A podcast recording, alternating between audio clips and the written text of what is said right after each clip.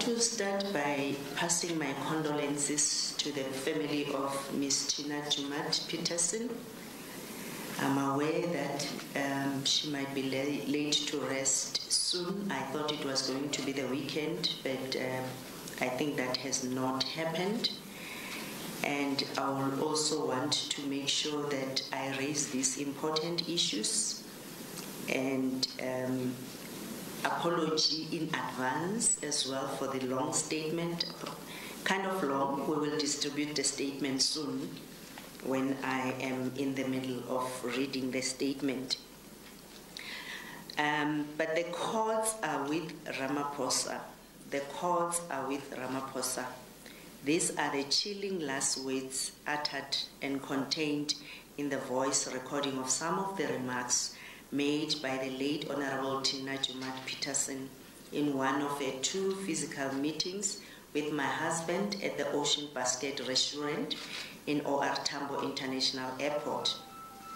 Good afternoon, members of the media, and through you, my fellow South Africans.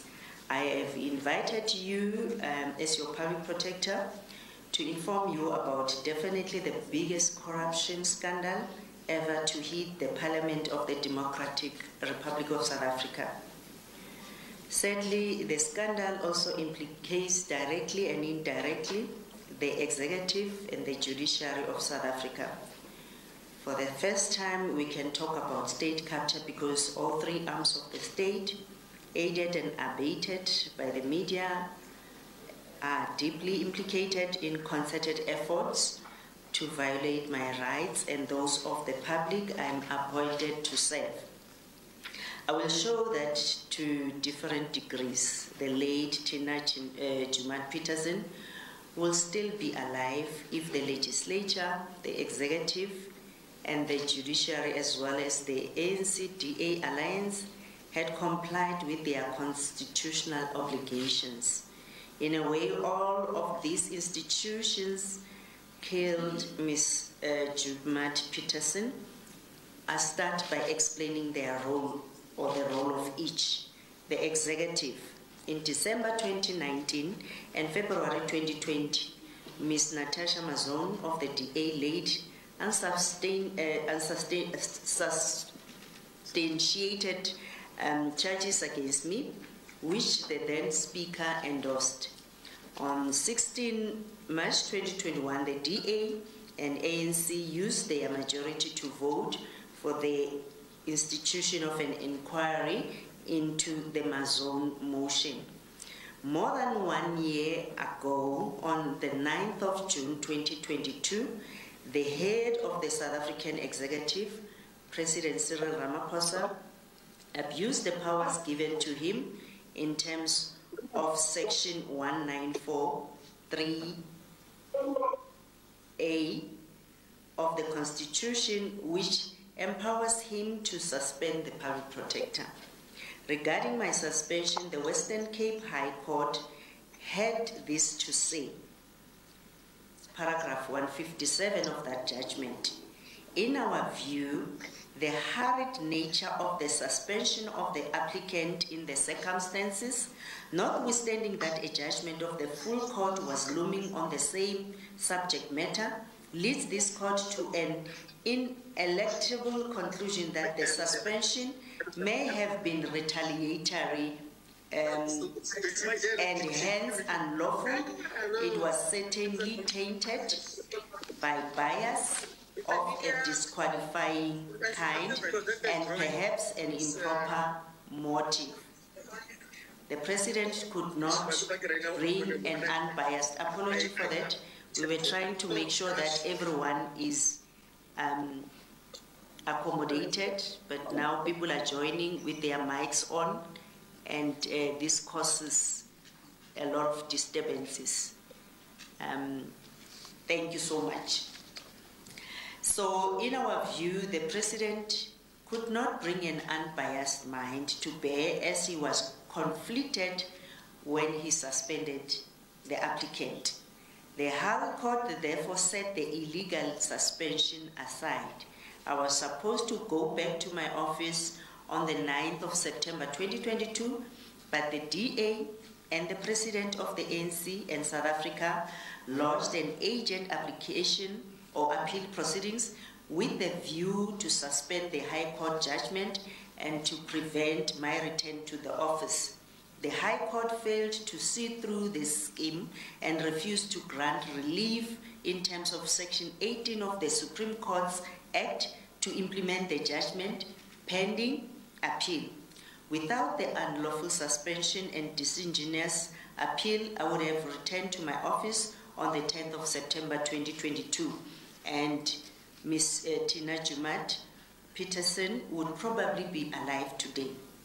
It is noteworthy that uh, the court found that the uh, real reason for my suspension was to avenge the 31 questions I asked in respect of the alleged criminality involved in the Palapala scandal. More than a year after the complaint into Palapala, the Office of the Palm Protector has not yet issued a report The objectives for removing me illegally have therefore been achieved. Um, coming to the judiciary, in addition to refusing the Section 18 relief by the High Court, the alleged agent appeal was set down for hearing by the Constitutional Court on an expedited basis at the behest of the President and the DA. It was heard urgently on the 24th of November 2022. To date, the Constitutional Court has failed to issue a judgment. The six months period, which even non agent judgments have to be handed down, expired on the 24th of May 2023. On the 25th of May 2023, I lodged a complaint of gross misconduct with the Judicial Service Commission against the nine judges who said in the matter a separate complaint against Chief Justice Zondo and Judge Kolaben will still be lodged in respect of their alleged role in the scandal involving the leakage of a decision of the Constitutional Court to one Ismail Abramjia and the subsequent conduct in sweeping under the carpet what should rank as the biggest scandal affecting our judiciary. It is fair to say that if the Chief Justice and the Constitutional Court judges had complied with their constitutional obligations, Mrs. Tina Jumat Peterson might uh, also still be alive because we wouldn't be finding ourselves in this situation. Even if the judgment can be issued now, it is too late for her. It will also be irrelevant to me So the justices may as well send the judgment to the universities because the relevance and usefulness is now only academic. It matters not if the judgment will come to my favor or predictably against me with the illegalities of the president having been sanitized over more than six months. More recently, the Western Cape High Court flatly refused to adjudicate the issue of the non-recusal of Mr. Janji for repeatedly um, proceeding without my legal representation, even when I was sick, and the inclusion in the committee of the husband of the complainant, Ms. Mazol. Two weeks ago, the court declared that it may have made a mistake in dismissing that application and granted leave to appeal to the SCA This means a further waste of time and money on an issue which the High Court was duty bound to decide but failed to do so. It, it is against this background that I was shocked by the words of the late former minister um, about the alleged allegiances of the court. I leave it to you to, to judge for yourself whether her observations are true or false. Coming to the role of the legislature in the death of Mrs. P- uh, Jumat Peterson is probably more, much more direct than that of the executive and the judiciary, although they all played a role, direct or indirect role. On the 16th of March 2023, Mrs. Uh, Jumat Peterson attended the inquiry physically for the first time and only time she asked one of the parliamentary officials who attends the inquiry regularly to give her phone to my husband and requested him to punch his number. This can be verified with the parliamentary of, uh, official consent, but again is a matter of the police to determine and get the name of the official.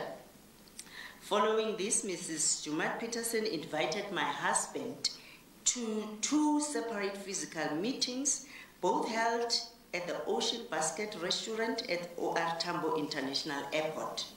At this meeting, she solicited a bribe of approximately 600,000 for herself, Mr. Janji, Richard Janji, who is the chairperson of the inquiry, and, and Ms. Pemi Majodina, who is the chief whip of the ruling ANC.